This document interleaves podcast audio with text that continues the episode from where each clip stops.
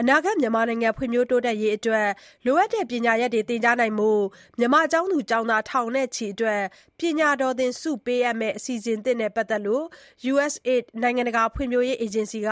ဖေဖော်ဝါရီလ ၂၉ ရက်နေ့က ကြေညာလိုက်ပါတယ်။မြန်မာနိုင်ငံမှာ ပညာတတ်လူငယ်မျိုးဆက် ပျောက်ဆုံးသွားတာမျိုး မဖြစ်အောင် အမေရိကန်ပြည်ထောင်စုအနေနဲ့ ကူညီထောက်ပံ့ပေးသွားမယ်လို့ တာဝန်ရှိသူတွေက ပြောပါတယ်။ထိုင်းနိုင်ငံ ဘန်ကောက်မြို့ကနေ ကိုအောင်အောင် သတင်းပေးပို့ထားပါတယ်။ Diversity and Inclusion Scholarship မတူကွဲပြားခြင်းနဲ့အားလုံးပါဝင်နိုင်တဲ့ပညာတော်သင်ဆုကို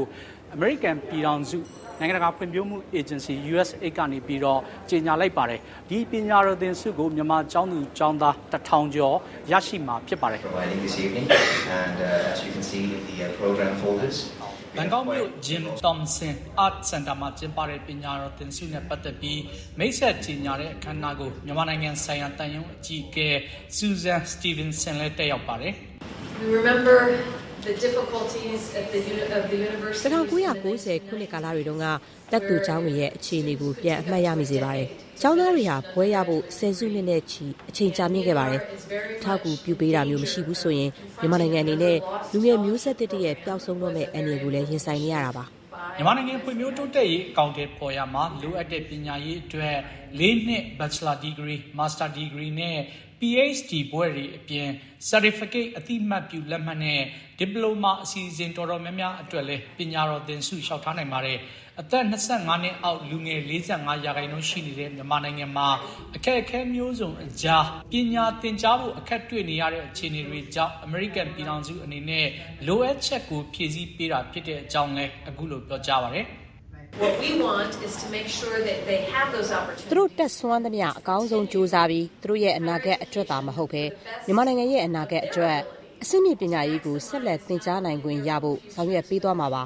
မတူကွဲပြားမှုနဲ့အားလုံးပါဝင်ခွင့်ရှိတဲ့ပညာတော်သင်ဆုအစီအစဉ်ဟာအမေရိကန်ပြည်ထောင်စုအနေနဲ့တနည်းတလန်းအဖြစ်အထောက်ပံ့ပေးတာဖြစ်ပါတယ် DISP မတူကွဲပြားမှုနဲ့အားလုံးပါဝင်ခွင့်ရှိသောပ ညာတော်သင်ဆုရရှိသူတွေဟာထိုင်းနိုင်ငံနဲ့အာရှဒေသတွင်းနိုင်ငံတွေဖြစ်တဲ့ကမ်ဘောဒီးယားအိန္ဒိယအင်ဒိုနီးရှားနဲ့ဖိလစ်ပိုင်နိုင်ငံတွေအပြင်အမေရိကန်ပြည်ထောင်စုအရီဇိုနာတက္ကသိုလ်ရဲ့အွန်လိုင်းစနစ်ကနေလည်းပညာသင်ကြားခွင့်ရရှိမှာပါ USA အနေနဲ့အခုပညာတော်သင်ဆုအပြင်မြန်မာကျောင်းသူကျောင်းသားရာကနန်းကိုလင်ကွန်းပညာတော်သင်ဆုလည်းပေးအပ်ခဲ့ပါတယ် လူငယ်မျိုးဆက်တွေအနေနဲ့ပညာသင်ကြားခွင့်ရဖို့အရေးကြီးကြောင်း American ပြည်ထောင်စုနိုင်ငံတကာဖွံ့ဖြိုးရေး Agency USAID အာရှရေးရာလက်ထောက်အုပ်ချုပ်ရေးမှူး Michael Schiffer ကအခုလိုပြောကြားပါတယ် Uh, we know that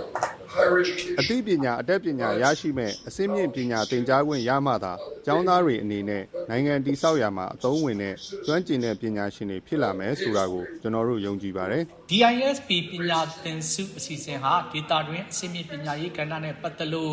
မဟာဗျူဟာမြောက်ယင်းနှိမ့်ညွတ်နှံမှုဖြစ်ကြောင်းလဲရှေဖာကပြောဆိုပါတယ်။ဒါအပြင်အခုလိုအစီအစဉ်ဟာပညာရေးနဲ့ပတ်သက်ပြီးအလေးထားတဲ့ American ပြည်ထောင်စုရဲ့တနိဋ္ဌာန်ချဆောင်ရွက်မှုကိုပြသလိုက်တာဖြစ်တယ်လို့မြန်မာနဲ့ကမ္ဘာတလွှားမှာကောင်းမွန်တဲ့အကျိုးဆက်တွေပေါ်ပေါက်လာဖို့အတွက်ဖြစ်တယ်လို့လဲ Michael Schiffer ကကြေညာချက်ထဲမှာပြောဆိုထားပါတယ်။မြန်မာနိုင်ငံတွင်းနဲ့နေဆက်ဒေသကပညာတော်သင်ဆုလျှောက်ထားသူတွေကိုရွေးချယ်ရမှာ